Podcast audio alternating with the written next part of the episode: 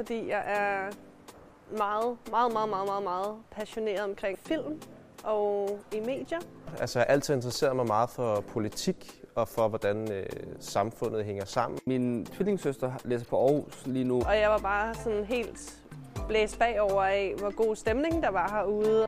Så jeg var sådan, jeg skal fandme ikke til Aarhus lig- ligesom dem. Jeg kunne faktisk ikke lige overskue at oprette noget helt nyt. Øh, alle, der var herude, virkede så glade og så afslappede, og som om de bare havde et eller andet liv her, som de var super glade for. Det ville jeg mega gerne være en del af. Så det er derfor, jeg valgte København. Og så har de også den bedste økonomiske uddannelse, synes jeg.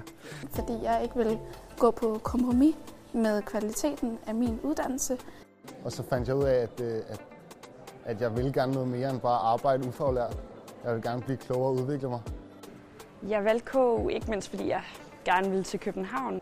Og jeg har valgt at læse øh, her på KU, fordi at, øh, det virker som et super nice øh, arbejdsmiljø. Det er meget socialt, og at folk kommer alle mulige forskellige steder fra. fordi at jeg rigtig godt kan lide det format, som KU tilbyder sin uddannelse i. Men også fordi jeg har hørt fra andre, der læste derude, inden jeg selv gjorde, at det er et virkelig fedt studiemiljø. Når man undersøger, hvilke professorer og hvilke undervisere der er herude, så, øh, så er det noget, jeg bliver fanget af. At, øh, at man mødes lidt øh, fra alle mulige steder i verden og alle mulige steder i landet. Det, øh, det har været meget inspirerende, synes jeg.